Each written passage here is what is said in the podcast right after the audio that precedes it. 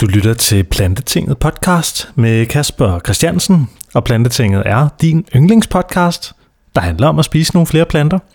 I dagens afsnit af Plantetinget, der har jeg inviteret en spændende herre forbi. Det er læge Tobias Schmidt Hansen, som øh, netop er ude med sin nye udgivelse, nemlig bogen Nødder og Frø. Og jeg inviterede Tobias forbi til en spændende snak om netop den bog, og den her verden af, af nødder og frø, som jo er ifølge Tobias en af de nemmeste interventioner at gøre i sin hverdag, hvis du gerne vil leve et sundere liv. Så hammerne spændende snak. Jeg er klar til dig. Og lige inden jeg sætter podcasten i gang, så skal jeg sige, at Plantetinget er en del af Dansk Vegetarisk Forening, som er Danmarks bedste forening for plantespisere. De arbejder benhårdt for at sætte øh, det grønne på dagsordenen i både politiske debatter og i ministerierne, i fondene og ja, alle mulige andre steder, så ser du altså Dansk Vegetarisk Forening lave et hammerende godt stykke arbejde. Og du kan simpelthen støtte dem ved at smutte ind på vegetarisk.dk og blive medlem af den her fantastiske forening, eller give et bidrag, eller hvad du nu end har lyst til. Og ja, jeg tror bare, jeg vil sætte podcasten i gang med den kære Tobias Schmidt Hansen. Tobias Schmidt Hansen, velkommen i Plantetinget. Mange tak. Tobias, du har jo skrevet en, øh, en ny, sindssygt fed bog, som jeg glæder mig rigtig meget til, at vi skal snakke om i dag. Men lige inden vi snakker om din nye bog om nødder og frø, har du så ikke lyst til lige at fortælle mig og lytterne om, hvem du er, hvad er din baggrund, og hvad du laver til hverdag og sådan nogle ting? Jo, selvfølgelig. Øhm, jamen, øh, jeg er læge, og det har jeg nu været i en 8 års tid, og er aktuelt i gang med øh, at specialisere mig til at blive øh, almindelig praktiserende læge, altså sådan en helt almindelig familielæge. Det er over halvvejs med og færdig om lidt under to år. Øhm, og lige nu har jeg min gang på børneafdelingen på Hillerød sygehus, hvor jeg har et halvt års ophold. Øhm, og så har jeg nørdet kost og livsstil i ret mange år efterhånden. Øhm, hvilket startede med, at jeg selv blev veganer, da jeg var 18 eller sådan noget. Øhm, og mange vil måske kende mig mest for, at jeg har været med til at skrive den plantbaserede kost med øh, Marie Felding. Øhm, og så har jeg det, i de senere år arbejdet lidt med også at etablere øh, Dansk Selskab for Livsstilsmedicin, som jeg er formand for. Øh, og sådan, min sådan overordnede store mission, det er ligesom at få mere øh, livsstilsmedicin ind i det danske sundhedsvæsen. Og det er primært øh, med fokus på at få folk til at spise mere grønt. Fordi det er der, den største gevinst er for folkesundheden. Så det er det, jeg sådan bruger min, mine kræfter på. Og det har du sådan pushet rimelig hårdt, det der grønne budskab. Ja, det har jeg. Øh, og det har sådan primært været min indgang ind i livsstilsmedicin, men altså sådan, i de senere år har jeg også brugt rigtig meget tid på at opkvalificere mig ind for at blive bedre til øh, og få folk til at sove bedre, og få folk til at stresse mindre, og øh, alle de andre aspekter, der er i at have et, et, et, et sundt liv. Så ja, sådan, alt hvad der sådan er ikke øh, farmakologisk, er det, som jeg sådan primært øh, nørder, fordi jeg synes, det er det, der, der mangler mest i det danske sundhedsvæsen. Okay, fedt. Og øh, Tobias, du har jo, øh, du sagde lige, du havde skrevet øh, Den plantebaserede kost ja. sammen med Maria Felding. Det er jo nogle år siden nu. Ja. Og øh, I er så kommet med en revideret version her sidste år, må det have været? Ja, jeg, jeg tror måske, den kom i, i 2020. 2020. jeg, jeg tror, den kom i 2020, men jeg kan, jeg kan faktisk ikke helt huske det. Men den har, den har været på markedet i halvandet år, tror jeg. Sådan noget, ja. Og sådan, ja. Vil du ikke lige fortælle mig om, hvordan er det sådan gået med den bog? Og nu har den nogle år på bagen efterhånden, og jeg har opdateret den og sådan noget. Hvad er det for nogle... Ja, hvad er det, den har, den har gjort, den her bog her? Jamen, jeg tror, den har gjort det, som vi havde håbet, at den ville gøre. Altså, sådan, vores tilgang til det var at skrive en, en grundbog og ikke bare en, en, en, en ny bog om en ny øh, helseretning, altså sådan, som der vil blive outdated på ret kort tid. Altså vi har formået at skrive en, øh, en bog, som jeg har indtryk af, at folk vender tilbage til som et opslagsværk, og som ligesom har givet dem et fundament for at forstå, øh, hvordan kosten påvirker deres sundhed på mange forskellige måder, ikke bare hvordan den for eksempel tænker risikoen for hjertekarsygdom, men altså virkelig give den sådan helhedsorienteret indblik i, hvordan, øh, hvordan kosten påvirker sundheden. Øh, og som det er med sådan nogle bøger, jamen, så skal de opdateres en gang imellem, for der kommer hvad det, løbende øh, ny forskning. Så jeg tror, vi sådan har en tilgang til den, at den skal have en sådan overhaling hvert øh, femte, sjette år eller sådan noget. Og den, jeg tror, den kom i hvad, 2016, den første eller sådan noget. Øhm, Så vi sådan løbende, hver gang der kommer noget spændende, så skriver vi det på øh, en lille liste til, hvornår der skal, så der skal opdateres, når den, den næste udgave, udgave kommer. Så øh, jeg synes stadig, at det er den, altså sådan, den mest grundige øh, bog omkring kost og sundhed, der er på, på det danske marked lige nu. Og så, så det er vi rigtig stolte over, og, og vi får stadig rigtig god feedback for at, øh, fra den, så vi er, Mhm. mm-hmm. rigtig, vi er rigtig Mhm. glade. Altså, jeg var også helt, helt privat, altså jeg har også været super glad for den. Jeg synes, den har altså, givet mig evnerne til ligesom at kunne navigere i hele det her område af, hvad man forstår som plantebaseret kost, ikke? Ja. Og, og givet mig en eller anden form for grundviden, og selvfølgelig også som et, som et opslagsværk. Ja. Så det skal I, det skal I sgu have tak for. At lave sådan et uh, stykke arbejde der. Ja, det var en... Øh, jeg vil næsten sige, det var en fornøjelse, men det var også, det var også lidt en kamp. Så Ja. man kan sige, det var også øh, måske en af årsagen til, efter jeg har, at vi har kæmpet med den der sådan gigantiske bog, som der har så mange emner, at jeg havde ligesom brug for, at, hvis jeg skulle skrive noget nyt, at det var så et lidt mere snævert emne, Mm. øh, som var måske lidt nemmere at, at gå til. Fordi sådan, når man ligesom skal have alle dele af, hvordan kosten påvirker en sundhed på, på, i, på en gang, så bliver det bare sådan et, et virkelig sådan et, et mammutprojekt, der endte med sådan at, altså jeg tror det for os tog det jo to år eller sådan noget, hvor vi begge to arbejdede på det, eller sådan, så det var et gigaprojekt, hvor det her det er jo sådan, med noget frø lidt mere overskueligt, selvom det også endte med at blive lidt mere, end jeg havde regnet med. Men så. hvorfor, hvorfor lige nødder og frø? Altså, hvorfor ikke uh, frugt? Eller hvorfor ikke uh, uh, jord, hvad kalder man det, rodfrugter? Ja. Eller noget andet? Det er et godt spørgsmål. Jeg tror, der er, sådan, der er flere forskellige årsager til det. Øh, altså, grundlæggende så tror jeg, det var fordi, at jeg tænkte, hvad for en bog lige nu kan have den største effekt på den danske folkesundhed. Og jeg kom egentlig frem til, at jeg, at jeg, at jeg oprigtigt troede, at det ville være en bog om, om nødder og frø. Og det kommer af flere forskellige ting, som jeg har lært over de sidste par år. Mm. Øhm, en af tingene, det er, hvor svært det er at ændre folks kost.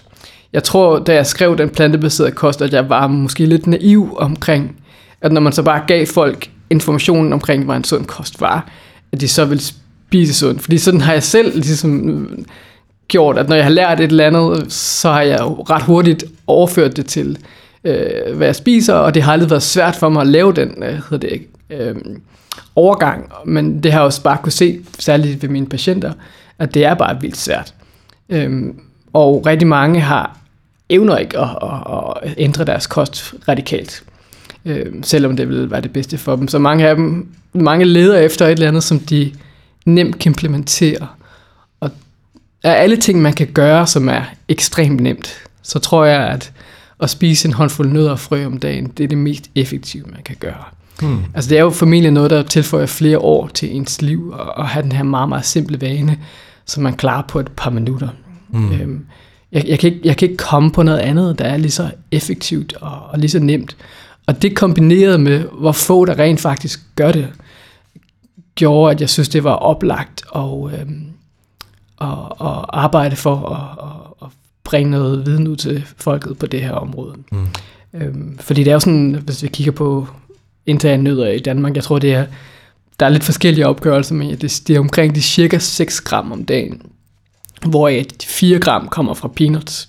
Så hvis vi snakker om de sådan virkelig sundhedsfremmende nødder, som valnødder og, og hvad de andre trænødder, som mandler øh, og pistachienødder, jamen så, så er vi nok nede omkring under 2 gram om, om dagen i gennemsnit, hvilket er uhyrligt lidt. Ja, ja. Øhm, så der er kæmpe øh, mulighed for at forbedre folkesundheden på, på den her front. ja, ja. Så tror jeg, at den sidste årsag øh, til det, det var sådan en, en, en oprigtig øh, nysgerrighed, fordi da jeg først begynder at kigge på de der store befolkningsundersøgelser, øh, da vi skrev den øh, plantebaserede kost, som så på, hvor mange øh, altså sådan dødsfald øh, nød og frø kunne forebygge eller det, på verdensplan, øh, og så de her mange millioner, som det kunne, øh, dødsfald det kunne forebygge, så var jeg sådan, jamen, hvad er det ved dem, der kan det?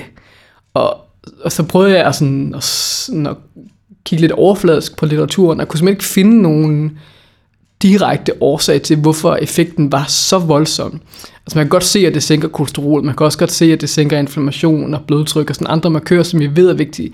Men, men det er, sådan, er, er egentlig sådan relativt små forbedringer, som ikke kan forklare den der helt vildt store effekt, det har på, på dødeligheden. Øh, og sådan nogle ting kan virkelig sådan pige min nysgerrighed.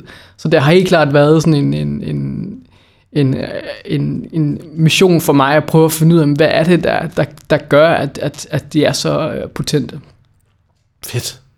Og du har jo taget en række frø og nødder, som du så har valgt at præsentere i den her bog her. Ja. Hvad er det for nogle sådan valg, du har taget i forhold til at sige, at jeg skal præsentere dem og dem og dem og dem?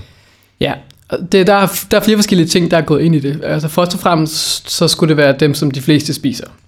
Øhm, øh, og så skulle det være der, hvor der var noget interessant forskning. Fordi man kan sige, folk læser kun en, en, en, en lidt nørdet bog om nød og frø, hvis det samtidig er lidt spændende, og der er nogle gode øh, fortællinger og sådan nogle ting. Så det er, jeg er nødt til ligesom at skulle også at, at finde dem, hvor der var noget, var noget kød på, så at sige. Øhm, og så har jeg prøvet at, at, at, at tage de nødder og frø, som er særligt rige på en af de indholdsstoffer, som formentlig er, er, er en del af forklaringen på, hvorfor det er, at nødder og frø er så sundhedsfremmende. For eksempel at det hedder det, øh, er mandler særlig rige på fytater, så derfor har jeg taget dem med. Hedder det valnød er særlig hedder det rige på omega-3, så derfor er de kommet med. Øh, solsikkekerner er, er rige på E-vitamin, så derfor man så ligesom for at illustrere de her forskellige stoffer, som er, er, øh, hvad det, øh, er mest relevante. Øh, det har så gjort, at der, jeg for eksempel ikke har haft hasselnødder eller pekannødder med, hvilket jeg får rigtig, rigtig mange beskeder om, hvorfor jeg har dem med. Mm. Men det var simpelthen fordi, der bare ikke var ret meget øh, forskning øh, specifikt på dem. Okay. Hvad med kokosnødder, som heller ikke er med i bogen? Ja. Jamen, dem har, de skiller sig ernæringsmæssigt så meget ud, og man kan sige, at jeg tvivler lidt på, at man kan sige, at det sådan egentlig teknisk set er en nød, som de, de ligger i hvert fald ernæringsmæssigt ikke op af de andre nødder. Så den, den er, heller ikke, er heller ikke kommet med. Ah. Så, men der er nogle nødder, altså, altså frø, som jeg gerne ville have med, som jeg ikke øh, kunne, og jeg har allerede, allerede tænkt på, hvad jeg skal tilføje til, hvis der kommer en anden udgave. Øh, ja, for eksempel Nigella-frø, som, som jeg synes faktisk er ret interessant. Der er nogle ret... Hvad er det for noget? Jamen, det er sådan nogle øh, små øh, frø, der sådan, man, man kalder... Det, lidt, ligner sådan lidt øh, spidskommen frø, men altså sådan, som har lidt neutral smag, men de, de er faktisk også nogle, nogle interessante sundhedsmæssige øh, egenskaber, blandt andet i forhold til stofskift og sådan nogle ting. Så de, øh, så de kommer måske med i den, i den næste. Hvor kan man, det har jeg aldrig hørt om. Jamen, det kan du købe i Helsigårdsbutikken. Okay. Men, de, men det er som de, de, jeg tror mange folk bruger dem nærmest mere som sådan krydderi, end som, en, som et frø, men de er et frø. Mm. Ja, så det er jo sådan, der er også et meget sådan, hedder det, diffuse grænser, hvad der egentlig er øh, frø, og hvad der er, er nødder, fordi sådan, mange af de sådan, frø, som vi beskriver som frø, er jo, er jo kan man sige, øh, det ligger også tæt op af kornsorter og kerner, og for eksempel hampefrø, teknisk set en nød. Så det har også været lidt svært faktisk, at, sådan, da jeg skulle sådan vælge de her øh, nødder og frø, sådan, hvad, hvad er egentlig reelle nødder, og hvad er egentlig reelle frø. Så der har jeg også måttet lave sådan en, en længere gennemgang af, hvorfor, ja, hvad hvorfor det, det, det, du har du gået i sådan nogle botaniske definitioner, ikke? Ja, for ligesom at forklare, hvad det er, ikke? men ja. altså, sådan, det, jeg bruger i bogen, det er det kulinariske definition. Det er, hvad man, hvis, det, hvis man bruger dem som nød med madlavning, så, øh, så kan de komme i, i bogen om nød og frø. Ja. Fedt. Jeg sad og læste den her bog igennem her, og jeg sådan, altså det, jeg synes er fedt ved den, det er, at du viser egentlig, at de nødder og frø, som faktisk findes i den danske flora, at de faktisk er hammerne gode for os. Altså nu øh, i den plantebaserede kost, der taler dig og Maria Felding sindssygt varmt for, for hørfrø. Ja. Og, du ved, den, den kommer ligesom med igen her. Ja. Og hørfrø dyrker vi jo i Danmark. Mm, vi, ja. og, og de har jo... Altså kan du ikke lige give os en tour de force af hørfrø, Tobias? Jo, og det vil jeg meget, meget gerne, for jeg tror også, at det, det var måske en fjerde årsag til, at jeg gerne ville skrive den her bog, og det var, fordi jeg gerne ville skrive lidt mere om, om, om hørfrø. øh, fordi at, jeg tror sådan, det er noget af det mest spændende forskning at læse, det er forskning om hørfrø, fordi det sådan, man er så øh, nærmest mindblowing, nogle af de studier, der er lavet omkring det, fordi det er så nemt. Og så er det samtidig noget, hvor der er ret stor forvirring. Altså, når jeg udholder foredrag, så ved jeg, at jeg skal bruge nærmest 10 minutter på at snakke om hørfrø, fordi folk er så forvirrede omkring det, fordi at Sundhedsstyrelsen er, er, har været ret defensiv i deres måde at omtale hørfrø på, hvor de nærmest fraråder at spise kværnet øh, hofrø, som er, eller knuste hofrø, som, som er det Maria og mig anbefaler. Så vi har været nødt til at, ligesom at, for, at, at forklare, hvorfor det er, vi anbefaler det, og hvilke doser vi, at det er, vi anbefaler det. Så, og det kan man måske lige starte med. Altså, altså øh, der er to stoffer i hørfrø, som er lidt problematiske. Der er blåsyre, og så er der tungmetallet cadmium. Øhm, og for begges vedkommende, så er man 100% på den sikre side i forhold til, hvad der er problematisk, hvis man bare holder sig til én spiseske knust hørfrø. Og det er man nok også, hvis man spiser to. Men altså, for at være på den helt sikre side, jamen så anbefaler jeg det, Maria og mig, at man spiser en. Og, men altså, hvis man en gang imellem ender med at spise to, altså, så vil jeg overhovedet ikke være bekymret. Jeg vil ikke ringe til giftlinjen eller noget som helst. Øh, fordi, man, fordi for eksempel blåsyre, der er aldrig nogensinde beskrevet et eneste tilfælde af blåsyreforgiftning med hørfrø. Jeg lidt virkelig. Jeg kunne ikke finde et eneste rapporteret tilfælde. Øhm, og når det kommer til cadmium, så er det jo langt lavere niveauer af cadmium i hørfrø, end der er for eksempel i, øh, i øh, muslinger og andet skalddyr. Og, og, og langt, langt mindre end, end hvad der er i, sådan i, i tobak og sådan noget. Så det er jo sådan, det, det er relativt små mængder. Og, og i, når vi snakker cadmium i planter, så ser det ud til, at optageligheden er noget lavere end for eksempel fra skalddyr. Hmm. Så, så studier, hvor man har for eksempel undersøgt solsikkekerner, som også er rige på cadmium, øh, hvor man har givet kæmpe, kæmpe store doser cadmium til folk i over flere måneder, har man ikke kunne se, at der sker en reel cadmiumstigning i blodet. Formentlig fordi de har et, en, nogle stoffer, der hedder fitater, der binder mm. det hedder det, cadmium. Så bekymringen omkring cadmium og blåsyre ved hørfrø, så længe man ikke indtager for meget, den, den, er, den, er, den er meget, meget, meget, meget lav. Mm. Så, så jeg, jeg vil ikke bekymre mig, hvis man spiser de her en spiseskeer om, om dagen. Småbørn, det bør man nok ikke give dem, fordi der, der, der skal de virkelig, virkelig ikke have ret meget cadmium, ret meget mm. syre. Men øh, alle andre, der synes jeg at tilføje en spiseske om dagen, det er virkelig, virkelig en rigtig, rigtig god idé. Og det vigtige er også her, at de ikke behøver at være, kan man sige, frisk kværnet hver dag. Man skal ikke kværne det, for ellers så kommer de ud, som de kom ind. Men man kan snilt kværne en stor portion, og så bare have en lufttæt beholder, så kan det stå i flere måneder uden at blive harsk. Øhm, og der er rigtig, rigtig mange årsager til, hvorfor man skal gøre det her. Og, og, og det er det, fordi at det ser ud til at være måske den fødevare, der virkelig rammer næsten samtlige af de markører, vi gerne vil sænke, når det kommer til livsstilssygdomme. Den sænker blodtrykket rigtig, rigtig, rigtig meget. Altså visse studier bedre end blodtrykssænkende medicin. Øh, den sænker kolesterolet, og den sænker hvad det, ens langtidsblodsukker. Øh, den ser ud til at hvad hedder det, øh, sænke ens vægt. Øh, den er exceptionelt effektiv til at og, hvad hedder det, fremme en god øh, mikrobiota, fordi den har ekstremt mange fibre. Og vi kan også se, at, at det fungerer bedre for forstoppelse end for eksempel det her husk, som rigtig, rigtig, rigtig, rigtig mange danskere tager. Så jeg, hedder det, jeg vil til enhver tid anbefale, at man, man prøver med det, med det knuste hørfrø frem for husken, hvis man har, har brug for at, at, at få fordøjelsen i gang. Øh, men det er også måske, nogen, nogen, der måske kan blive lidt chokeret over, når de begynder på den her vane med at spise knuste hørfrø, eller knuste chiafrø for den sags skyld. Men det er jo fordi, den, den meget, meget store mængde kostfiber, den kan godt give lidt, udfordring med maven til at starte med, indtil man den ligesom har tilvendet sig de højere kostfiber. Hvad fanden var det også, Tobias? Øh, der var sådan en, øh, nu nævnte du selv chiafrø, men der ja. var sådan en historie med en fyr, der blev kvalt i. Ah, han blev ikke kvalt, men, men, men det er fordi chiafrø har øhm, endnu flere kostfiber end, end hørfrø, selvom hørfrø har absurd mange. Altså, men det er, det er de to fødevarer, der har, har mest kostfiber. Øh, men chiafrø har særlig meget af det opløselige kostfiber, som der hedder, det virkelig suger meget væske til. Så det er også det, man ser, når man laver chia, øh, chia grød eller sådan. Det er jo kan suge 10 gange dit vægt i vand. Og så var der en, en, en, en fyr, som havde taget en, bare spist en spiseske hele chiafrø, og så taget et glas vand hurtigt efter, og så havde noget chiafrøen ikke nået at komme hele vejen ned igennem hvad hedder det, for, hvad hedder det, spiserøret, og så havde væsken fået det til at, at, at svulme så meget op, at det blokerede hans spiserør som så skulle fjernes med en, med en kikkert. og han viser, at han havde en lille forsnævring, men den var ikke særlig stor, så man kan sige, at der er mange, der måske også har nogle små forsnævringer i deres spiserør forskellige steder af forskellige årsager. Mm. Så sådan årsagen, eller hvad hedder det, rådet bliver i hvert fald, at man skal passe på med at, at, at, at spise chiafrø på den måde. Det skal være, kan man sige, tilsat noget mad eller et eller andet, mm. inden, man, inden man gør det. Mm. Men jeg tror ikke, at noget at blive færdig med, Nej, undskyld, med, med, med, bare... med, med hørfrøene der. Ja. øh, og man siger, det mest interessante ved dem er nok også, at de har den her gruppe af stoffer, man kalder lignaner. Og det er dem, der gør, at de er så helt vildt sunde. Og der er ikke nogen fødevarer, der har nær så mange lignaner i sig som hørfrø. Så det er virkelig det, der gør dem unikke. Og lignaner hedder det, har også fået et lidt øh, dårligt ry, øh, fordi at det er en planteøstrogen, ligesom øh, isoflavoner øh, er fra øh, sojaprodukter.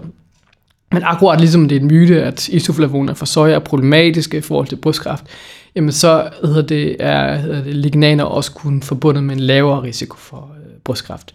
Så jeg kan se, at kvinder, der spiser hedder det, øh, hørfrø, regelmæssigt har en markant lavere risiko for at udvikle brystkræft. Jeg tror, det er omegn af de 30 procent. Øhm, men hvad der er mere overbevisende i forhold til, at det virkelig virker, det er, at man har lavet de her gode lodtrækningsforsøg øh, med hørfrø, hvor man giver folk, hvad hedder det, muffins med hørfrø og muffins uden hørfrø. Og det har man så gjort for eksempel ved kvinder, der skulle have fået bortopereret deres hvad hedder det, brystkræft op til operationen, og så kan man se, at dem, der har fået hørfrø op til, jamen der var øh, kræften mindre aggressiv, når man fjernede den. Mm. Øhm, og det er jo også, man kan sige, det der er det, fede ved at undersøge hørfrø, fordi tit så kræver det kun en til to spiseske for at have en effekt, så det er ekstremt nemt at skjule i smoothies og bagværk. Så studierne er bare virkelig troværdige, fordi rigtig, rigtig mange af dem er dobbeltblandet randomiserede kliniske forsøg. Og det er gælder generelt for alle altså noget af frø, at forskningen omkring den er bare markant bedre end for øh, næsten alle andre fødevarer, hvor for eksempel frugt og grønt, du skal have tit have, altså flere hundrede gram, for at du kan se en tydelig effekt, men med nød og frø, er det, er det tit bare en håndfuld, der skal til. Øhm, så, så hørfrø sænker risikoen for, altså for hjertekarsygdomme, for overvægt, for type 2 sukkersyge, for brystkræft, og for hvad hedder det, mænd ser den også ud til at være gavnlig, når det kommer til prostatakræft. Men der er dataen ikke helt så god, som den er for, for brystkræft. Så man kan sige, du, du rammer virkelig stort set alle de store øh, sygdomme ved en meget, meget, meget, meget simpel hedder det, vane. Mm. Og så får du oven i købet altså dækket øh, dit omega-3-behov bare ved at spise en spiseske. Så det er, sådan, det er virkelig, jeg tror ikke, der er nogen fødevarer, hvor du får lige så stor ratio af gevinst i forhold til per gram, du spiser. Øhm, og de, de er mere sundhedsfremmende, end, end, end chiafrøene er, selvom chiafrøene virkelig har fået, kan man sige, sådan, øh, en sådan superfood-status øh, de seneste, det seneste årti. Øhm, men men jeg, jeg holder mig nu primært til hørfrø. Men chiafrø kan også nogle, nogle, nogle andre ting, og, og i forhold til, det gode ved chiafrø, det er, at der, der er ikke det samme problemer i forhold til cadmium og blåsyre, så der kan man, mm. der kan man spise i lidt større mængde, hvis man, hvis man, har, man har brug for det. Altså noget, der var nyt for mig om chiafrø, det var, at du anbefaler at knuse dem også. Ja, øhm, og det, det er fordi, man der er lavet et forsøg, hvor at man har målt på niveauet af omega-3, øh, hvor man givet folk hele chiafrø og knuste chiafrø. Og man så kun en stigning ved dem, der har fået de knuste chiafrø. Mm. Så formentlig så er optageligheden meget, meget, meget lav fra hele. Øhm, så det skal også knuses, og det er desværre nok ikke så mange, der gør det. Mm. Øhm, men ja, det, det vil jeg anbefale at gøre. Og man kan, særligt hvis man har sådan vægt hedder det, tab for øje, så siger frø måske den mest interessante nød og frø, fordi netop fordi den suger så meget væske der, det gør, at, at, den, at den ligesom øh, laver en, sådan en, en gelatinøs masse i mavesækken, som giver en, en ret udtalt mæthedsfornemmelse. Så der er lavet en rigtig fine forsøg, hvor man for eksempel drysser hedder det, knust øh, chiafrø på, på, på morgenmaden, og så kan man se, at folk spiser markant færre kalorier de efterfølgende dage, og man kan også se, at det medfører et reelt vægttab. Øhm, og det er kun, når det er knust, det er ikke, når det er helt. Mm. Fedt. Ja, så, øhm, men det er, altså det er interessant, kan man sige, den her med, altså sådan, også historien omkring Shirafrø, den er måske mere interessant end de andre, fordi det var sådan virkelig en, der sådan var, den var gået tabt, efter den havde været ekstremt populær i, øh, i det tidlige sådan Azteker, Maya, Inka hvor det virkelig var sådan, jeg tror det var den, den, altså den, den øh, måske anden mest øh, dyrkede afgrød, altså efter majs, i det her, kan man sige, hedder det, samfund inden øh, koloniseringen. Øh, men det var sådan et mytisk frø, der ligesom var forbundet med, med, med, med de gamle guder, så det var sådan noget, man, man skulle spise det, men man skulle øh, i, drage i krig eller sådan nogle ting. Så fordi det var så forbundet med de, de gamle guder, så da spanierne kom, og, og den katolske kirke, så fik den ligesom sådan et, et, et præg af at være, hvad hedder det, øh, øh, altså sådan forbundet med for meget med de her gamle guder, og så blev nærmest udryddet af den katolske kirke på den baggrund. Og, og så var det først, kan man sige, jeg tror i 90'erne eller sådan noget, at der var nogle forskere fra Arizona University, som ligesom genfandt øh, chiafrøene i Mexico og begyndte at studere dens øh, ernæringsprofil og fandt ud af, at den, at den var øh, så ekstremt sund, fordi den havde så højt et niveau af fiber og omega-3 og, og protein. Ja, ja. Og så begyndte den ligesom at blive, øh, hvad det, øh, vinde øh, frem i alle helskostbutikkerne. Men det er stadig er faktisk betegnet som en, en, det, der hedder Novel Foods af EU, som der mm, gør, mm. at man stadig er i gang med at, at finde ud af, om det overhovedet er, er sikker at indtage. Mm. Øh, men alt tyder på, at den er det. Men, men på den baggrund så er, er faktisk Sundhedsstyrelsens anbefaling, at man, jeg tror, man også kun spiser omkring 15 gram om dagen, eller sådan noget, så en spiseske, ah, okay. eller en anden spiseske. Men jeg tror, de blev også lidt populariseret, den der, der var sådan en bog, der blev skrevet sådan en uh, amerikansk journalist, der hed Christopher McDougall, ja, ja. som tog ned og besøgte de der... Uh, meksikanske løbere, de der Tarahumara-stammer, ja. ikke? Ja, ja, ja. Og, og de tog ud og løb sådan 120 km, ja. og så stod de lige og spiste lidt, uh, lidt chiagrød inden, ja, ikke? Ja, ja. Og det var også med til sådan at, tror jeg, at vække den der bevågenhed i Vesten ja. for de frø der. Men lad os lige snakke om nogle andre frø. Ja. Fordi man kan sige, der er ligesom, sådan som jeg læser din bog, så er der ligesom sådan to frø, der sådan, i hvert fald for mig, virkelig sådan stikker ud. Ja. Altså det, det, er jo, det er jo hørfrøene, vi lige har snakket ja. om, og så er det valnødderne. Ja, som også som er, er rimelig som så er en nød. Det er nød. Ja, ja. Og hørfrøen er selvfølgelig et frø. Ja, ja. Valnødderne, det var sådan, fordi jeg var sådan lidt, okay, valnødder, det er sikkert, uh, altså det er jo lækkert, det er jo fint nok, men det virker, når man læser det her afsnit om valnødder, så er det sådan, altså, det, så er det jo for sindssygt. Altså, de kan, de kan jo øge din livskvalitet og sådan Jamen, det, det er, de, er, de er helt klart mest, øh, de mest imponerende nødder. Og, og hvor meget af det, det, om det så lige er, fordi at det også er dem, der er forsket mest i, og, det, og man kan sige, der er også lidt industri over, kan man sige, valgnød, okay. og sådan, hvad hedder det, der er rigtig mange penge i valgnødforskning. Hmm. Øh, men, men det er der nok også, fordi de studier, der er lavet, de bare bliver ved med at finde nogle ret øh, vilde ting. Øhm, og så er det jo den noget, der er rigest på omega-3, men det er også den, der er rigest på, på antioxidanter og de her plantstoffer, der hedder polyfenoler, som er dem, der tit har de mest potente ved det, sundhedsmæssige egenskaber. Øhm, så det er virkelig øh, en, den nød, hvor der ser ud til at være den største gevinst, både når vi snakker hjertekarsygdom, men i høj grad også, når vi snakker kraft. Og det har nok også noget at gøre med, at hver gang vi tester forskellige fødevarer, så kan vi se, at det er dem, der har flest af de her polyfenoler, der ser ud til at være mest effektive til at hæmme kraft. Øh, og alle nødder, så er valnødder helt klart den mest krafthæmmende nød. Og så er virkelig ud til at kunne gøre en, en ret øh, stor øh, forskel.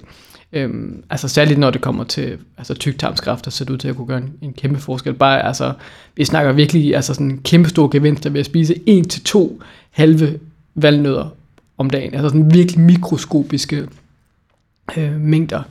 Øhm, og så er det jo det her med, at den, at den ligner en hjerne, som jo bare er sådan vildt fascinerende. Og det, det har jo, tror jeg, sådan har været noget, der har øh, fascineret folk i mange, mange år, og tusinder. Øhm, og, og derfor var det jo også oplagt at se, om den kunne gøre noget for, for hjernen. Og der, der kan vi se, at øh, særligt ældre, som der spiser valnødder, de har bedre koncentrationsevne, øhm, og hvad hedder det, klarer sig bedre i diverse kognitive tests. Øhm, og der er også nogle tidlige studier, der viser, at det muligvis kan være øh, forebyggende for demens at spise øh, valnødder. Mm. Så det er helt klart, øh, altså hjernemad, det er der ingen nogen tvivl om. Mm. Øhm, og så sidst men mindst, så ser det også ud til at være rigtig godt for faktisk øh, for ens øh, sexliv og for hvad hedder det, ens øh, sædkvalitet. Øhm, Et afrodisiakum skriver du der. Ja, det er jo det, og det er jo sådan noget, der ligesom skulle øge ens, øh, ens lyst, og hvad hedder det, det er jo meget sjovt, man kan sige, at de fleste forbinder røde bøffer med afrodisiakum, men det er jo sådan noget typisk noget, der giver øh, impotens, altså, så det er lidt misforstået. Men hvis man, hvis man rent faktisk... Nej, det må man ikke grine af. Man må nej, ikke grine af nej, nej, men, men altså, det er jo en misforståelse, man kan sige, at det er, det er, at det er at det er det, der ligesom forbindes med en romantisk middag. Altså det er nød og valnødder burde faktisk måske være, være det, man, øh, man, mm. man spiser. Så en Waldorf-salat til næste date måske? Ja, så det kunne være, ja. Ja, romerne synes jo faktisk mere, at den lignede en testikel, end den, øh, end den lignede øh, hedder det, en, øh, en hjerne. Øh, og den lighed er der også. Ja. Du, du skriver om sådan et, øh, et lodtrækningsforsøg, hvor halvdelen af forsøgsdeltagerne, der var unge mænd, fik valnødder, og så var der ja. nogen, der fik noget andet. Ja. Og dem, der så fik valnødder, de rapporterede så både øget sexlyst og ja. bedre orgasmer. Ja. Altså hos mænd. Ja. Det er jo vildt nok. Ja, det er ret vildt. Men de fik, jeg tror, de fik en blanding af noget, hvor, det, hvor de fleste var valgt noget. Nå, så, ja, ja, ja, ja. Så man hedder det, ja, det, det, det var ret imponerende. Og det studie, der undersøgte de faktisk også, altså, øh, om, det, om det havde en effekt på potensen. Men det fandt man ikke, at der var en, en, en tydelig øh, effekt på i det der studie. Men det har man så kigget på, øh, særligt ved pistachienødder hvor at, der, der virkelig, kan man sige, ser ud til at være en, en, en, en meget, meget tydelig gevinst øh, der. Fedt. Og Det ser ud til at være fordi, at særligt hvad hedder det, øhm, pistachienødder er, er, indeholder meget af et stof, der hedder arginin, som er med til at, at danne øh, den her signalmolekyle, der hedder nitrogen monoxid, som er sådan en, en gasart, der får blodkarrene til at udvide sig. Øh, og det er det samme som for eksempel Viagra også gør, den får også den her øger den her produktion her. Mm. Så, så virkningsmekanismen er, er, er stort set den, er den samme, øh, og, og, og e, e, effekten er, er næsten at matche med Viagra, hvis man tager det over længere tid, men altså relativt høje doser, man skal tage. Øh, men der adresserer man jo som også ligesom det grundlæggende problem, også fordi det ligesom forbedrer blodtrykket og kolesterolet, og sådan er med til at, at styrke karne på, på anden vis. Så, så hvis at man kæmper med potens, så tror jeg, at pistachionød virkelig er the, the way to go. Og det var også lidt interessant, det der med, at du skriver, fordi der er sådan noget med, om de er afskallede, eller om der er skal på. Du skriver om sådan noget pistache-effekten. uh, som er det der med, hvis man har svært ved at stoppe med at snakke, ikke? Ja. Øh, og det er bare sådan en psykologisk ting, man har fundet, at man kan sige, at alt, hvad, alt hvor, du skal, at, hvor der er et synligt bevis efterfølgende på, at du har spist noget, så spiser du mindre.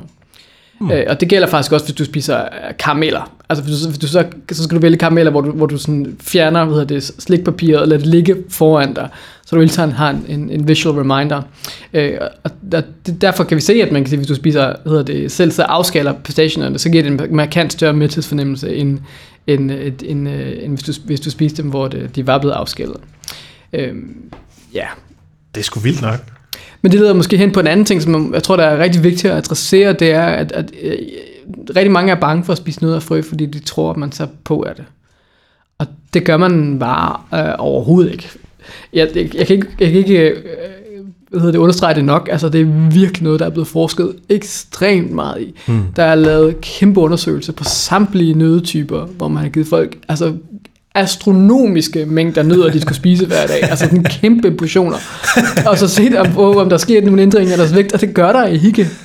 Øh, og, og hvis vi kigger på alle befolkningsundersøgelserne, hvor vi ser, om, hvad hedder det, hvor spørger folk, om de spiser nødder, og så kigger på deres vægtudvikling over år, så ser man tydeligt, at dem, der spiser nødder, jamen, de, de, de har altså faktisk en, en lavere vægt, der tager mindre på, kan man sige, som årene går.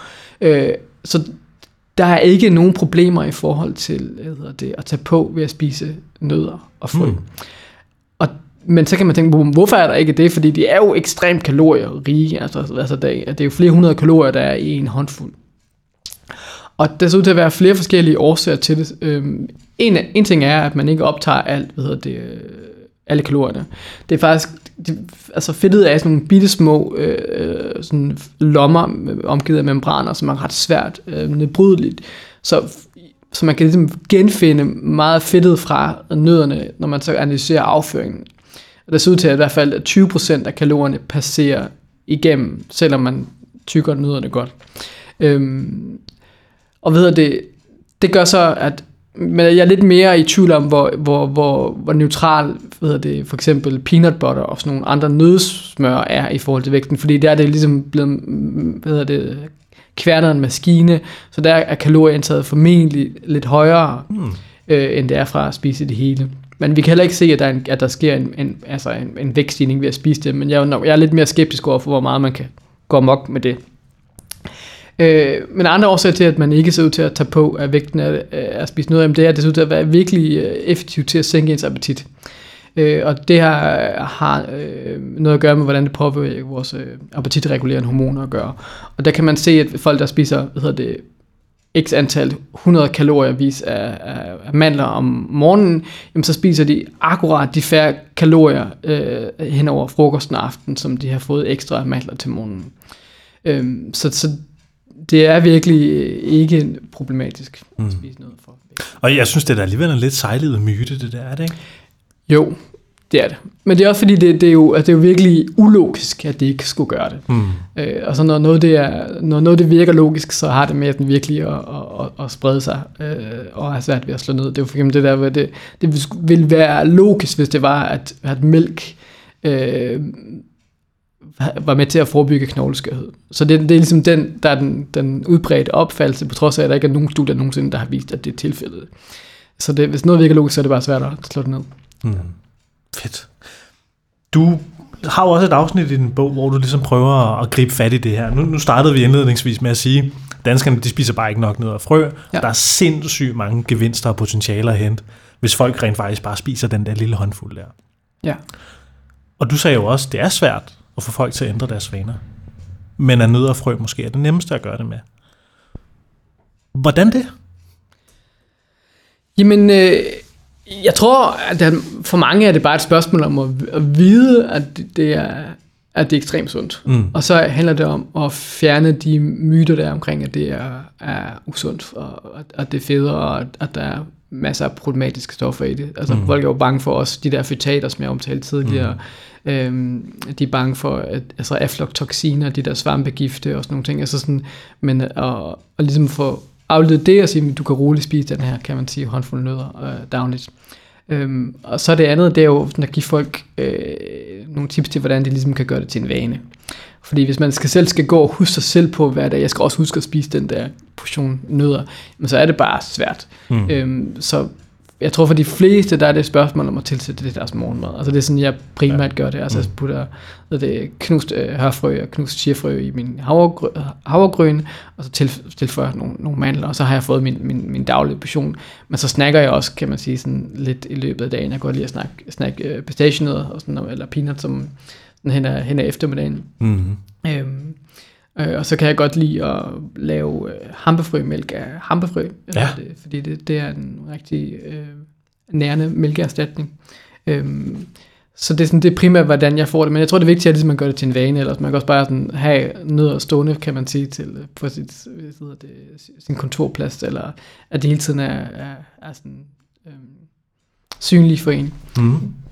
Og så er det sådan noget med, med, med saltet og usaltet frø Ja. og nødder. Ja. Vil du ikke lige komme lidt ind på det, Tobias? Fordi det der salt der, Ja, men... Øh, det er jo noget, altså det, det, det er jo lidt en kæphest, kan jeg forstå. Jo, altså jeg går meget op i, at folk skal sådan spise mindre salt, men, men det der ligesom er, er, er interessant, det er, at der faktisk typisk ikke er så meget salt tilsat, hvad hedder det, altså selv det saltede nødder og frø. Øh, det er som om, at man kan sige, at der skal, der skal ikke ret meget til, før at det smager salt, når du salter hedder det, nødder og frø. Mm. Øh, de fleste peanuts, der vil være 0,8 gram salt per 100 gram. Og du spiser typisk kun 30 gram, når du sådan tager en, en servering af peanuts, eller måske 50. Mm. Så det, det, det, det vil jo være i omegnen af 0,4 gram salt. Og de fleste danskere spiser jo i omegnen af 10 gram salt om dagen, så det vil være uhyre lidt. Altså, jeg anbefaler selvfølgelig, at man kun spiser maks 5 gram, så der er det, er det lige ved en lille smule af det, men, men, men det smager meget salt i forhold til, hvor meget salt der egentlig er. Mm. Og det er jo lidt paradoxalt, for jeg tror, at de fleste, der, der spiser en, en, en dåse sorte bønner, ikke nødvendigvis synes, det smager særlig meget, særlig meget salt, selvom der nemt kan være 4-5 gram salt i sådan en, en, en dåse sorte bønner. Mm. Så det, det, er ikke, det, er ikke, det er ikke her, man skal være bekymret for, for salten. Og, og, og det ser man jo også for eksempel med altså det her gomasho, hvor man kværner hedder det, sesamfrøene, øh, blander med en lille bitte, bitte smule salt, og det smager meget, meget mere salt, end, end det burde gøre. Så der er en eller anden synergi mellem, mellem nødder og frø og salt, der gør, at man, Mm. mm. man får den her øh, salte smag. Så jeg er ikke, jeg er ikke så bekymret for, okay. hvis, man, hvis man spiser sine nødder og frø saltet. Nej, nej. Det er Jamen, det er også, jeg kan kalde det også bare en kæphest, fordi ja. Ja. det er ligesom, øh, det er jo noget, I taler meget varmt for i den plantebaserede kost, nemlig ja. det her med at reducere sit saltindtag. Det er det. Men, Men det er mere at undgå forba- forarbejdet fødevarer og huske at kigge bag på, på hvad hedder det, på, øh, på bagsiden af forskellige fødevarer og se, hvor, hvad der er gemt der. Ja. Ja. Men på nødder og frøene er det måske ikke det Der, er det, største. der, er det, der, er, der er det ikke så slemt, nej. Okay. Det er det faktisk ikke. Hmm. Og selv når man tilsætter olie til for eksempel peanuts eller sådan noget, så er det stadig meget, meget, meget lidt. Øh, så det er heller ikke noget, der, der bekymrer mig øh, synderligt. Mm. Mm. Så hvis man, hvis, man, hvis man godt kan lide sine nødder at, øh, saltet og med lidt olie, så er det meget, meget bedre at spise dem sådan, end det er ikke at spise dem. Fedt. Fedt. Og du, øh, du har haft den her bog ude i, hvad må det være? Det må vel være i øh, halvanden, to måneder snart? Ja, det passer meget godt. Jo, jeg tror, den kom i, øh, i januar eller sådan noget, ja. Ja. Mm. Hvad er det for nogle reaktioner, du har fået på den derude? Jamen, øh, jeg tror, folk er, er rigtig glade for den. Det eneste, jeg har, det der med, det der folk hele tiden spørger, om der ikke var en kapitel om hassen noget på Men ellers er folk øh, meget øh, glade. Også fordi jeg tror sådan, det, det er jo det er jo noget, som, som der tit bare bekræfter folk i, noget som de allerede vidste, at, at, at nødder og frø er, er, er sunde, og sådan, øh, og så når man læser, hvor, hvor imponerende de er, jamen, så gør det også bare, at man bliver endnu mere glad for sine nødder og frø, og så det er sådan, jeg, jeg håber, at den bare den er med til ligesom at give sådan en øget øh, glæde over, hvor fantastisk øh, øh, mad kan være for ens, øh, ens sundhed. Mm. Og det er jo også noget, hvor der ikke er nogen sådan konflikt, og det synes jeg faktisk har været meget rart med at gå ned i det her emne, fordi noget, som jeg synes, der har været udmattende i forhold til at skrive den plantebaserede kost, jamen det er ligesom, at den, den er ligesom også blevet sådan en del af de her sådan food wars, altså sådan, at der er dem, der mener, at man, man skal spise øh, low carb, og man skal spise paleo, og, og så kommer vi og siger, at man skal spise plantebaseret, og så kommer der sådan nogle, nogle, nogle lidt hårdere øh, sådan kampe nogle gange, hvad der ligesom er sundt, og hvad der er usundt, som jeg sådan personligt synes er lidt nogle, nogle drænende kampe, som jeg ikke bryder mig særlig meget om, og derfor jeg heller ikke så tit indgår i sådan de, de offentlige debatter omkring det. Men, men her er der ligesom et eller andet, som, som alle er enige om, altså sådan, øh, selv folk, der spiser low carb, er enige om, at det her det er, hedder det sundt. Selv keto-folkene kan lide ned og frø, ikke? Øh, og paleo-folkene også, og sådan noget. Der er, der er ikke nogen, som der kan være uenige i, mm. i det her. Og det synes jeg bare har været rigtig rart, og det er også derfor, jeg håber, at den virkelig kommer, kommer langt ud, at den ikke bare, kan man sige, cirkulerer i sådan, i sådan det, det plantebaserede øh, miljø, som jeg tror, er den, der, altså dem, der har taget den primært til sig her lige til at starte med, men så håber jeg, at de ligesom kan ligesom give det til deres, deres øh, kødelsende onkel eller et eller andet, og sådan, øh, fordi jeg tror, sådan, at det er ligesom alle, der vil kunne have gavn af at, og, og tilføje hedder det, nødder og frø til øh, deres, deres kost. Det synes jeg faktisk er ret, øh, er ret fed betragtning, det der med, at du ligesom, at alle omfavner nødder og frø. Ja. Altså, det, det- altså det går rent ind, det smager jo godt. Ja. Og du behøver sikkert at tilslutte dig en eller anden form for, for kostkirke, for at kunne anerkende, at det her, det er lækkert og godt. Ja. Det, det, det synes jeg faktisk er ret, øh, ret skarpt set. Og så har jeg jo ligesom en gang imellem lige har lavet nogle kommentarer omkring, hvor, hvor, hvor, hvor, gode andre planter også er. Så jeg håber bare, sådan, at folk ligesom bliver piget til også ligesom at, at opdage, hvor, hvor, hvor, hvor imponerende, uh, imponerende planteriget er. Fordi man kan sige, det, der, er jo, der er jo masser af andre virkelig, virkelig uh, vilde planter derude, udover nødder og frø. Men der er bare ikke nogen, der er så, så koncentrerede kilder til næring som nødder og frø. Det er jo det, der giver mening også, fordi det er ligesom det, planten afgiver for at kunne danne en ny plante. Klart. Så det giver ligesom mening, at det er der, der ligesom er mixed koncentration af, Klart, af, de, klart, af de næringsrige stoffer. Ikke? Sådan noget med at riste Ja. ja. nødder og frø. Du skriver lidt om det i bogen. Ja, og det er noget, som jeg bruger ret meget tid på ligesom at, at, at sætte mig ind i, fordi det er, sådan, det er sådan lidt konfliktende data der er omkring det, og det er forskelligt fra hver enkelt nød og frø og sådan noget. Øh, og, og det kan ligesom godt give nogle stegemutagener, når man ligesom steger nødder. Altså, det, kan- det kan godt give nogle problemer i forhold til blandt andet akrylamid, som er sådan et, et giftstof, der ligesom opstår, når man særligt hvad hedder det, steger mandler. Øh, men, men for de fleste nødder og frø, der er det, er det relativt uproblematisk at riste dem. Og ser faktisk også ud til at øge, kan man sige, optageligheden af protein, og det ser ud til at, faktisk nogle gange at give flere antioxidanter og riste dem. Det vigtige er bare, at, det er sådan, at man ikke rister dem for hårdt. Så hvis man har tålmodighed til det, så er det bedste at riste dem i ovnen ved en, ved en ideelt set 160 grader. Øhm, men jeg har fuld forståelse for, at det er svært i en, i en hverdag, og de fleste vil nok gøre det på en pande, men, men altså, så vil jeg virkelig anbefale, at man rister dem så skånsomt som muligt, så det ikke bliver branket og ikke bliver sorte, og man gør det så langsomt, som ens tålmodighed overhovedet tillader det. Mm. Øhm, men man, man, kan snilt, man kan snilt riste dem, og de, de fleste smager jo bedre, når de bliver ristet, særligt frøene. Ja. Ja.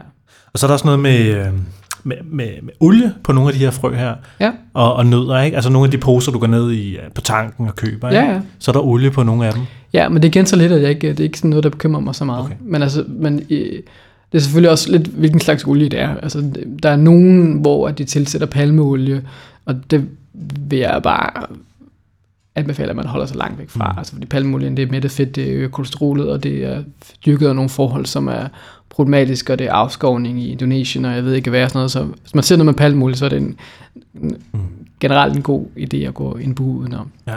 Men jeg kan godt lide de der refleksioner, du har omkring det her med, med de lokale frø, ikke? de lokale danske frø. Ja. Det skriver det i hvert fald en lille smule om, ikke? Ja. At der er nogle af de her, som... For eksempel, altså nu snakker vi om hørfrø og chiafrø, som ifølge dig sådan har relativt ligeværdige øh, sundhedsfordele. lidt, håndfrø lidt bedre end Lidt bedre. Ja, ja, ja. Og det er jo så fedt, fordi de er lokale jo. Det er det, ja. Og vi dyrker dem her, ikke? Ja, ja. Altså vi skal ikke Ja. importere det hele vejen fra Sydamerika. Ja, ja, ja.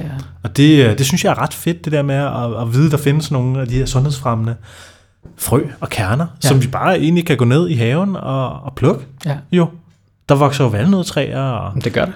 altså også hasselnødtræer godt nok, ikke? Men, øh, Men altså, det er ikke fordi, at, at hasselnødderne ikke er, er sunde. De, de, er, de er super sunde. Altså, alle nødder og frø er, er, er, er sunde, så det er ikke, bare fordi jeg ikke har skrevet om hasselnødderne, så man, må man endelig gerne nyde dem her. Men nu siger du det her med, at det er nemmere at implementere de her frø og kerner og nødder i morgenmaden for eksempel. Ja. Og gå og snakke på dem i løbet af dagen.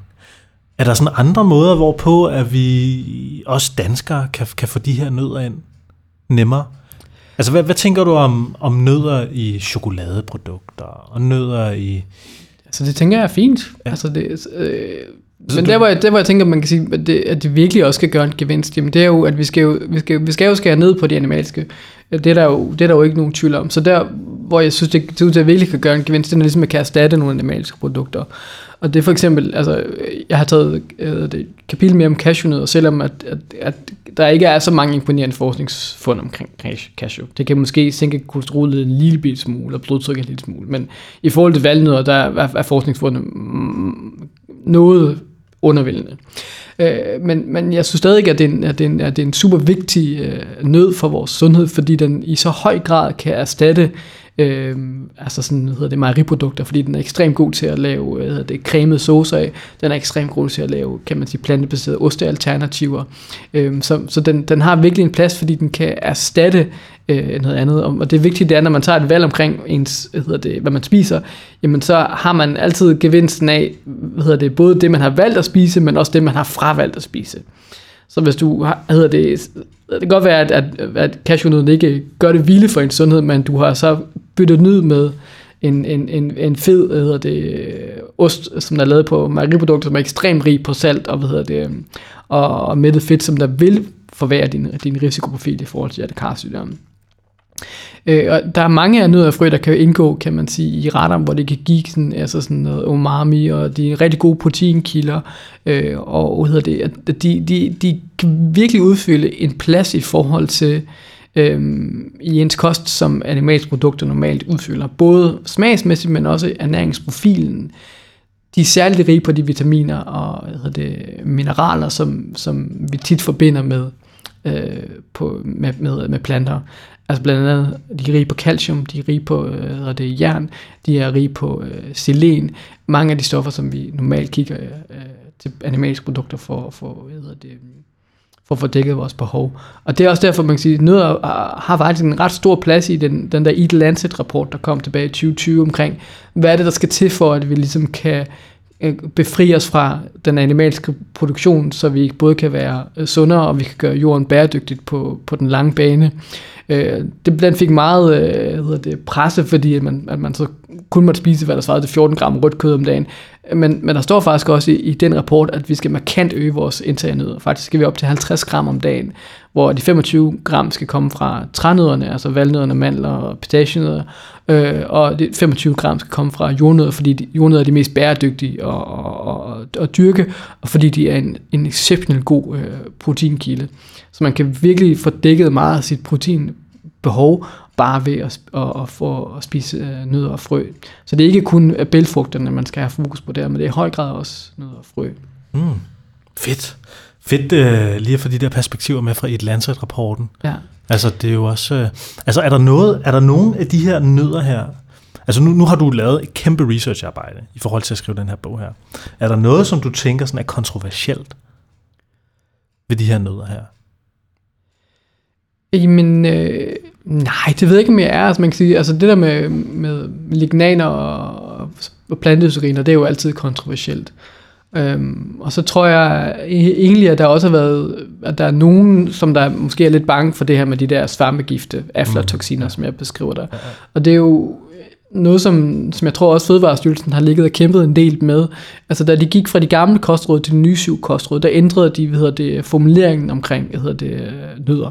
Hvor de gamle, der var det sådan op til 30 gram fordi man ligesom var bange for aflatoxinerne, hvor man så nu har lavet det om til spis 30 gram. Og det tror jeg er rigtig, rigtig godt, fordi man kan sige, det der med, når man siger spis op til et eller andet, det gør man ved et rødt kød, altså sådan, så det, sådan, det lyder som om, at det er noget, man skal, man skal måske spise mindre af. Ja. Øh, men men der, der sidder nogle, nogle personer i Fødevarestyrelsen, som er meget opmærksom på de her toksiske stoffer. Det er ligesom meget det, de har, altså, har fokus på.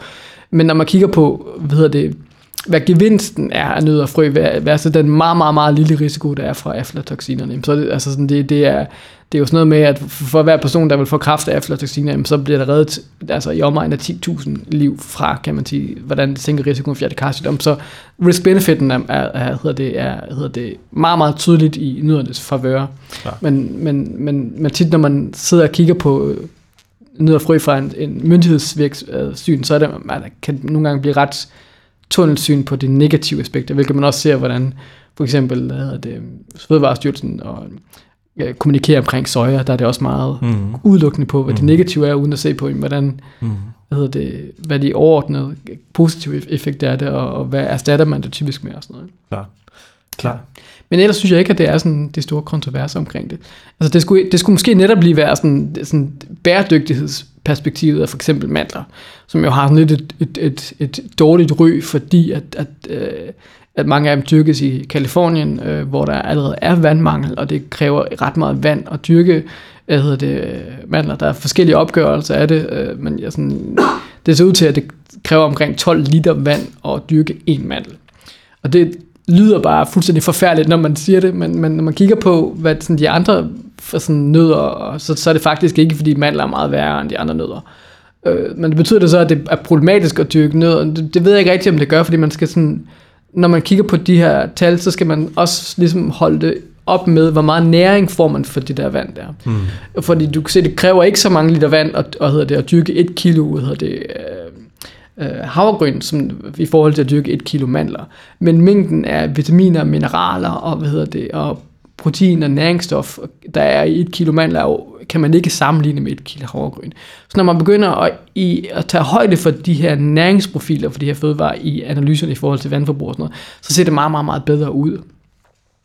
Øhm, og, og mandlerne har faktisk set ud til at have næsten et, øh, en positiv indflydelse på, på CO2. Og en af de få fødevarer, hvis overhovedet noget, hvor man kan se, at der nærmest er en positiv gevinst. Fordi mange af de steder, hvor man planter de her træer, der var der ikke nogen træer forvejen. Mm. Så når du planter de her, hedder det, mandeltræer, som der står der i mange, mange, mange år, jamen så tager de ligesom CO2 til sig. Så det synes, at have en positiv gevinst på den front. Så jeg er ikke så bekymret for, for bæredygtigheden, når vi snakker hedder det, nødder og, og frø.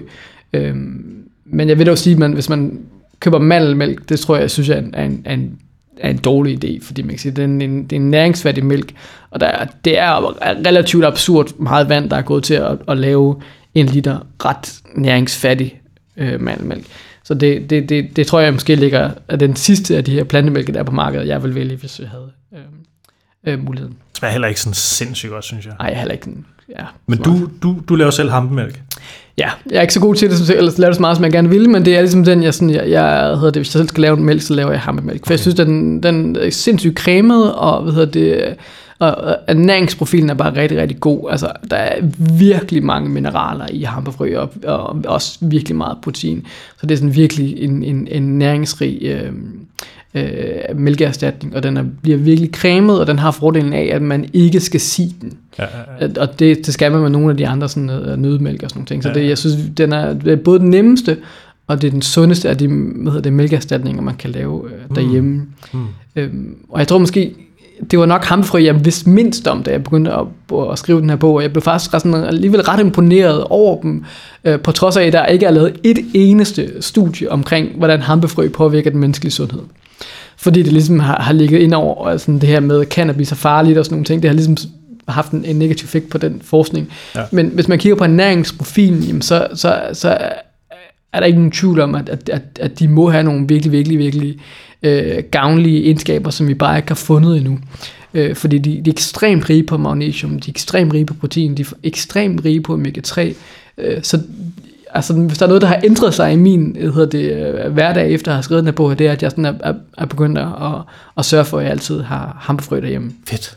Men de er jo også, det er jo også en, stadig desværre en stigmatiseret fødevare, ikke? Jo. Men altså, det jeg tror, øh, den danske, det må vel næsten være Fødevarestyrelsen, har lempet de der det har de nemlig, ja. krav til, hvor høje, øh, ja. hvor høje niveauer de her Det er det. THC og sådan noget, der må være i, ikke? Lige præcis, ikke? Og det har jo ligesom også åbnet markedet lidt for det her. Det er det. Og der, det, der, er, altså, der er ikke noget THC i, i hampefrø. Ikke, ikke i hvert fald i, sådan, i, i, i nogen grad, der gør, at man kan blive høj på nogen måde. i hvert fald. Så der, der har været lidt en, en, kan man sige, en, en frygt for, at man muligvis øh, kan teste positivt på meget, meget sensitive hedder det, test, hvis man er elite-atlet. Ja. Øh, så af den årsag, så anbefaler jeg, at hvis man, hvis, man, hvis man er det, så skal man måske lige sådan holde lidt, holde lidt igen med dem. Jeg synes altså også, det er åndssvagt, at THC er på dopinglisten. Ja, det, skal jeg, det ved jeg ikke nok om til at gøre mig klog på, men øh, ja, Men jeg tænker bare, hvordan kan det være præstationsfarvende? Men, ja det tænker jo, jo. jeg.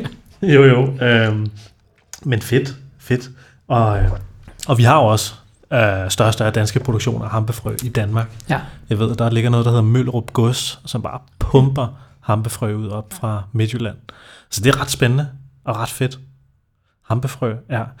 Du, øh, du slutter bogen af med at præsentere en lang række super lækre op- opskrifter. ja, Øhm, det er så ikke mig, der har lavet dem. Det er en, en, en øh, god veninde, der hedder Janni Nielsen, som har, Okay. som har, har lavet det. Øh, Jeg er, ikke, jeg er mere sådan nørdet omkring min, min mad, end jeg er sådan er, hvad det, særlig dygtig til at, at lave den. Øhm, Så det, det er hende, der har, der har udviklet dem. Og man kan sige, fokus der, det er ligesom også det der med, hvordan man ligesom kan inkorporere dem, og hvad de, hvordan de ligesom kan erstatte af animalske produkter og sådan noget. Så det er sådan ligesom for at give inspiration til, hvordan man ligesom selv kan, kan det, lege med dem i, øh, i køkkenet. fedt. Tobias, vi er også lige så stille ved at være igennem det. Ja, Vi har talt nu i knap 55 minutter, men hvis der er et eller andet, som du tænker, at lytterne bør vide, eller man skal tage med videre herfra, eller måske en lille salgstal for at skulle have den her bog stående ude i sit køkken. Har du så noget, du sådan har lyst til at, at tilføje på det? Jamen, øh, jeg tror, det, det er det samme, som vi sagde i starten, at det, det, er, det er bare den nemmeste tænkelige måde at forbedre din sundhed. Altså, sådan, når man kigger på gevinsten, jamen, så er det, det, det, det er sammenligneligt med at, at, at, løbetræne flere gange om ugen, og bare spise en håndfuld nødder og frø dagligt i forhold til ens øh, risiko for livsstilssygdomme, og hvor lang tid man har på den her jord her. Så det er jo, altså det er jo, det er jo virkelig ærgerligt at gå klip af det absolut nemmeste, man kan gøre. Øh, og hvad hedder det, så det, jeg vil virkelig anbefale, at man, at man, at man får gjort det her. Det, jeg, ikke, altså, jeg tror ikke engang, man, man husker at læse bogen for ligesom at, at, at, at, omsætte det her til praksis. Det jeg tænker det er nok at bare høre den her podcast. Og hvis man synes, det er interessant, eller hvis man kender nogen, som man, man ved, man ikke kan få til at spise en plantebaseret kost, men måske godt kan få til at spise en håndfuld nødderfrø, så, skal, så synes jeg, at det her det er, er en, en oplagt øh, en gave at, at give til, til den person. Og så håber jeg, at, det, at det, når at det, julen nærmer sig, det havde jeg, så håber jeg, at det bliver den, øh, en, en god mandelgave at give. Jeg havde virkelig håbet, at jeg kunne nå få den ud i december, for Ah. så skulle jeg sådan virkelig øh, pushe, at det var den perfekte mandelgave. Ja. Men øh, det, Vi spiser sgu også chance. ned af julen, gør vi ikke? Jo, jo, det gør vi da. Ja, Jeg synes altså, min mor, hun er sådan nødt at stående ved juletid. det, det. Og man kan sige, jeg vil sige, det, det er bedre end marcipangris at, at give den her bog her, vil jeg mene. Så. Uden tvivl. Hvis, øh, hvis man skal ud, og hvis man har lyttet til den her podcast her, og tænker, nu skal jeg ud og købe bogen. Ja. Hvor skal man så gøre det hen? Jamen, den er faktisk, hedder det, i de fleste boghandler har jeg indtryk af, øh, Mhm. så hedder det, men altså, sådan, jeg tænker, at de fleste af, af dine lyttere, de er jo en rimelig tech-savvy, så ja, der er, det er lidt forskelligt, hvem af dem, der har tilbud, så jeg tror bare, jeg vil google det, og så se, hvor den er, hvor den er billigst. Okay. Så øh, ja, jeg tror, den vejledende udsalgspris, der er 229, men de fleste steder kan man godt få den lidt billigere. Fedt. Så. Og øh, hvis man har lyst til at følge med i, i dit arbejde og dit ja. Ja. virke og sådan noget, er du på sådan de sociale medier, eller har du et eller andet, hvor man kan følge med i det, du laver? Jeg har sådan hedder det, prøver så småt at gøre antræk til at tage mig lidt sammen på den der front der. Jeg, hedder det, øhm, jeg har en, øh, en Instagram, der hedder plantebaseret medicin, som jeg ikke er så aktiv på, men jeg hedder det, har planer om at blive det inden for den kommende fremtid. Så der kan man øh, med, med øh, fordel hedder det, øh, tjekke øh, den ud. Øhm, og så har jeg en hjemmeside, som jeg heller ikke er så god til at opdatere. Det hedder også bare plantebaseret medicin.dk, som jeg primært bruger til at, at, at sælge mine foredrag. Så, øhm, men det er det. Jeg er ikke, jeg er ikke, så, øh, jeg er ikke så aktiv på de sociale medier, som jeg nok burde Og de være. foredrag, du holder, Ja. hvad, hvad holder du foredrag om? Jamen det er, altså det er primært patientforeninger, der hyrer mig til at holde, holde hvad det, foredrag om Øh, jeg holder rigtig meget foredrag om kost og kraft, og så holder jeg sådan generelt om, om plantebaseret medicin og lidt om inflammation og sådan lidt forskelligt. Lidt, øh, hvad, hvad folk hyrer mig til. Mm. Og du kan høres på din hjemmeside. Og vi lægger selvfølgelig nogle links til dagens podcast. Yes. Tobias med Hansen, hvis ikke der er mere tilføje, så tror jeg lige så stille, vi skal til at lande den her, Yes, det har været en fornøjelse. den her lille podcast om nødder og frø. Sundhed i en håndfuld, som du altså kan få i din lokale boghandel, Mm. eller google dig frem til. Øh, ja, det behøver ikke altid at være en kamp at leve sundere, kan jeg forstå. Ikke lige her. Ikke lige her. Og øh, jeg vil sige tak, det har i hvert fald inspireret mig sindssygt meget at få den her bog her. Og øh, tak for snakken. Det var fornøjelse.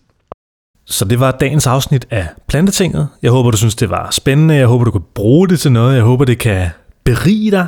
Måske en lille smule. Måske inspirere dig til at spise en lille smule flere nødder og frø.